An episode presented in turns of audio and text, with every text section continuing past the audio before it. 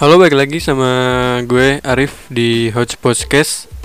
Podcastnya orang-orang yang bahas apa pun yang lagi hype di kalangan sekitar. Entah itu berita-berita serius atau apa pun yang mau curhat sekalipun gue tampung di sini. Dan sekarang gue lagi pengen ngebahas satu berita. Beritanya dari sumbernya dari IDN Times. Ini berkaitan dengan uh, lingkungan sekitar sih. Hal-hal yang terjadi di pergaulan sekitar teman-teman lo circle pertemanan lo. Dan ini biasanya lagi hangat diperbincangkan sama anak-anak zaman sekarang ya soal toxic friend. Nah di sini gue mau ngebahas 6 langkah elegan menghadapi teman beracun di lingkup pergaulan. Nah, jadi The End Times ini e, ngebahas katanya ada 6 cara buat ngejauhin toxic friend. Sebelum itu kita mulai. Nah, gue bacain dulu ya beritanya. Lingkungan dan cara didikan seseorang memang mempengaruhi terbentuknya karakter individu tersebut. Namun, untuk mengetahui karakter seseorang pun butuh waktu yang gak sebentar. Gak jarang, setelah sekian lama menjalin persahabatan dengan kawan, kita baru menyadari bahwa orang tersebut termasuk dalam toxic friend dan berdampak buruk bagi hidup kita. Dia yang hanya memanfaatkan, datang jika ada maunya. Nah, ini nih. Kebanyakan teman-teman zaman sekarang datang pas ada maunya doang kayak eh lu di mana? Gue pinjam duit dong 4 miliar gitu. Ya jadi gitu. Jadi eh buat gue yang benar-benar murni temenan tuh ya yang nggak kayak gini gitu yang bisa disaring benar-benar dicari teman-teman yang murni pen temenan pen sahabatan gitu yang nggak kayak gini lah. Terus iri dengan pencapaianmu atau bahkan menusukmu dari belakang.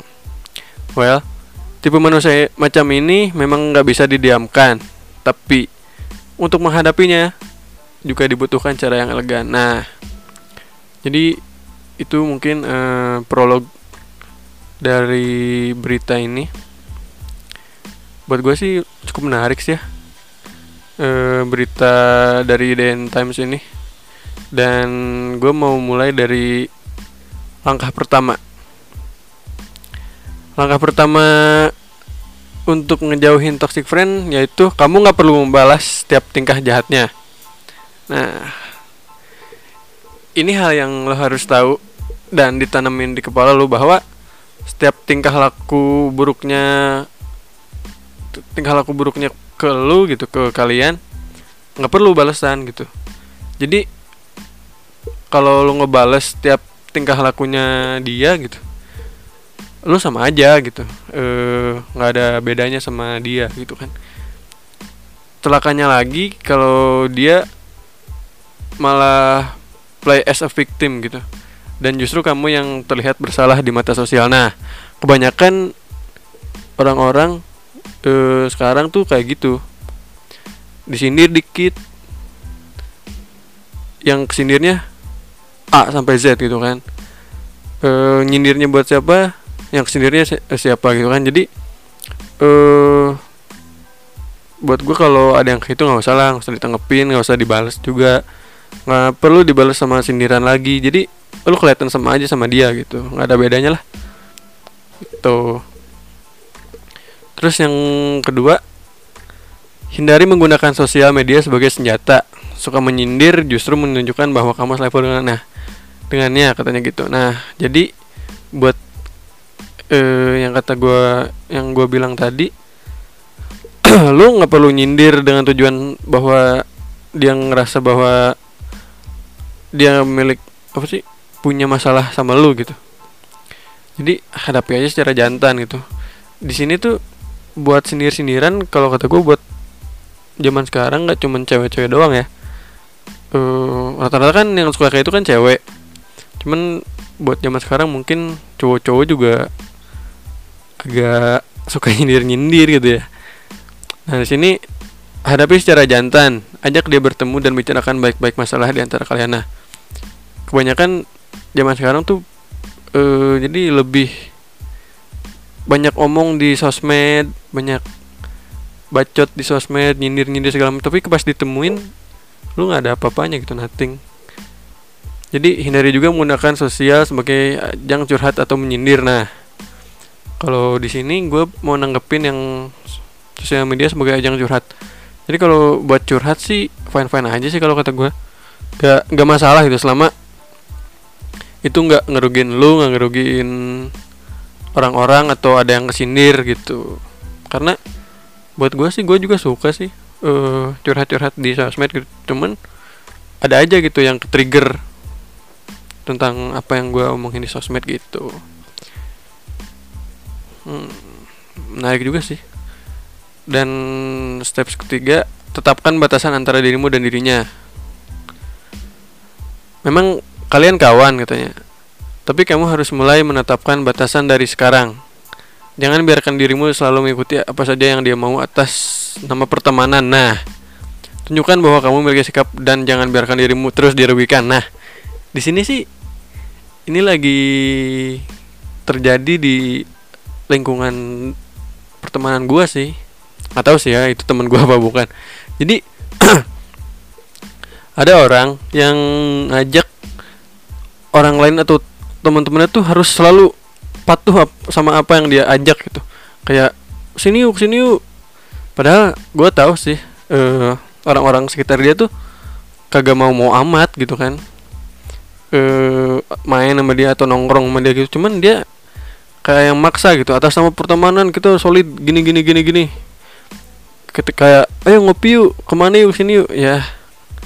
Maksud gue nggak nggak perlu pakai cara maksa gitu juga. Soalnya orang lain kan punya kesibukan sendiri sendiri gitu. Mereka juga punya keluarga punya punya circle pertemanan yang lain. Jadi nggak harus sama lu terus gitu.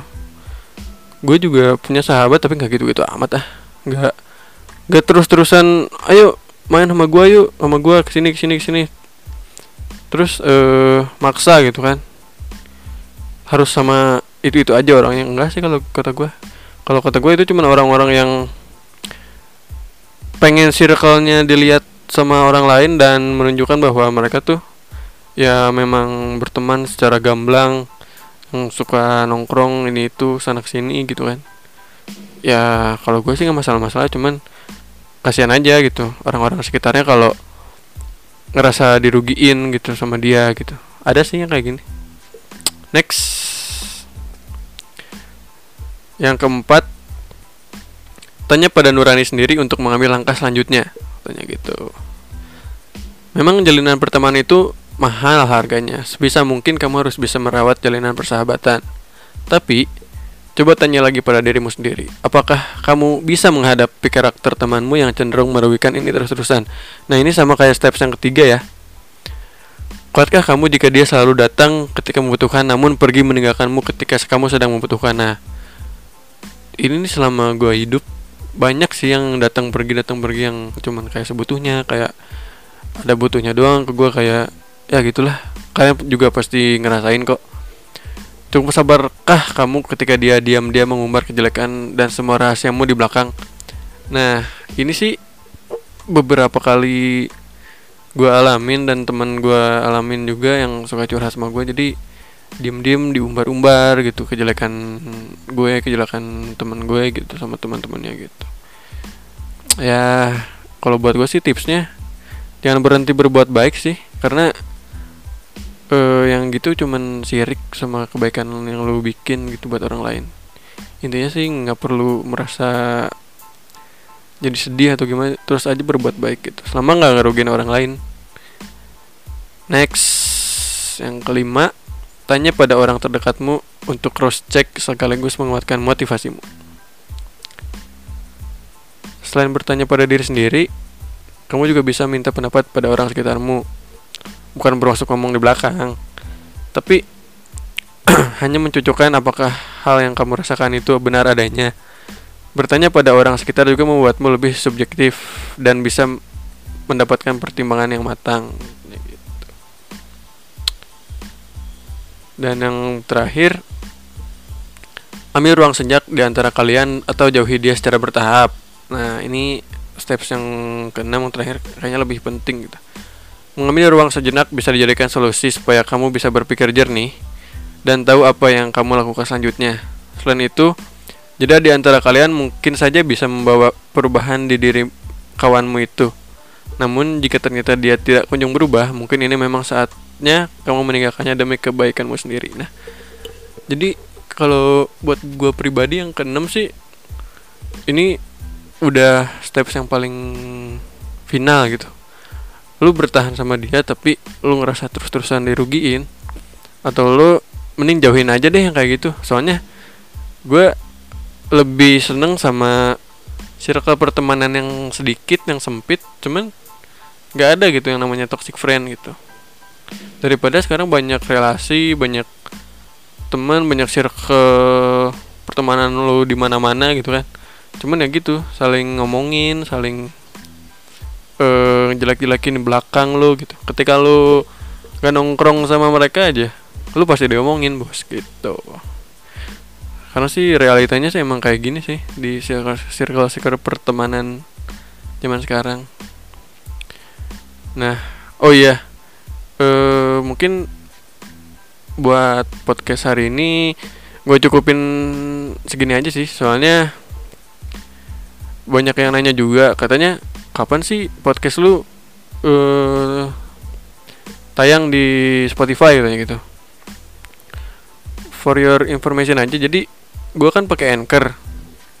Anchor tuh jadi kayak penghubung gitu. Jadi sebelum gue bisa upload di Spotify gue uh, pakai anchor dulu sebagai penghubungnya. Jadi nanti dari anchornya sendiri udah bakal nyediain link buat di share di Spotify itu. Sementara sih uh, di Anchor dulu.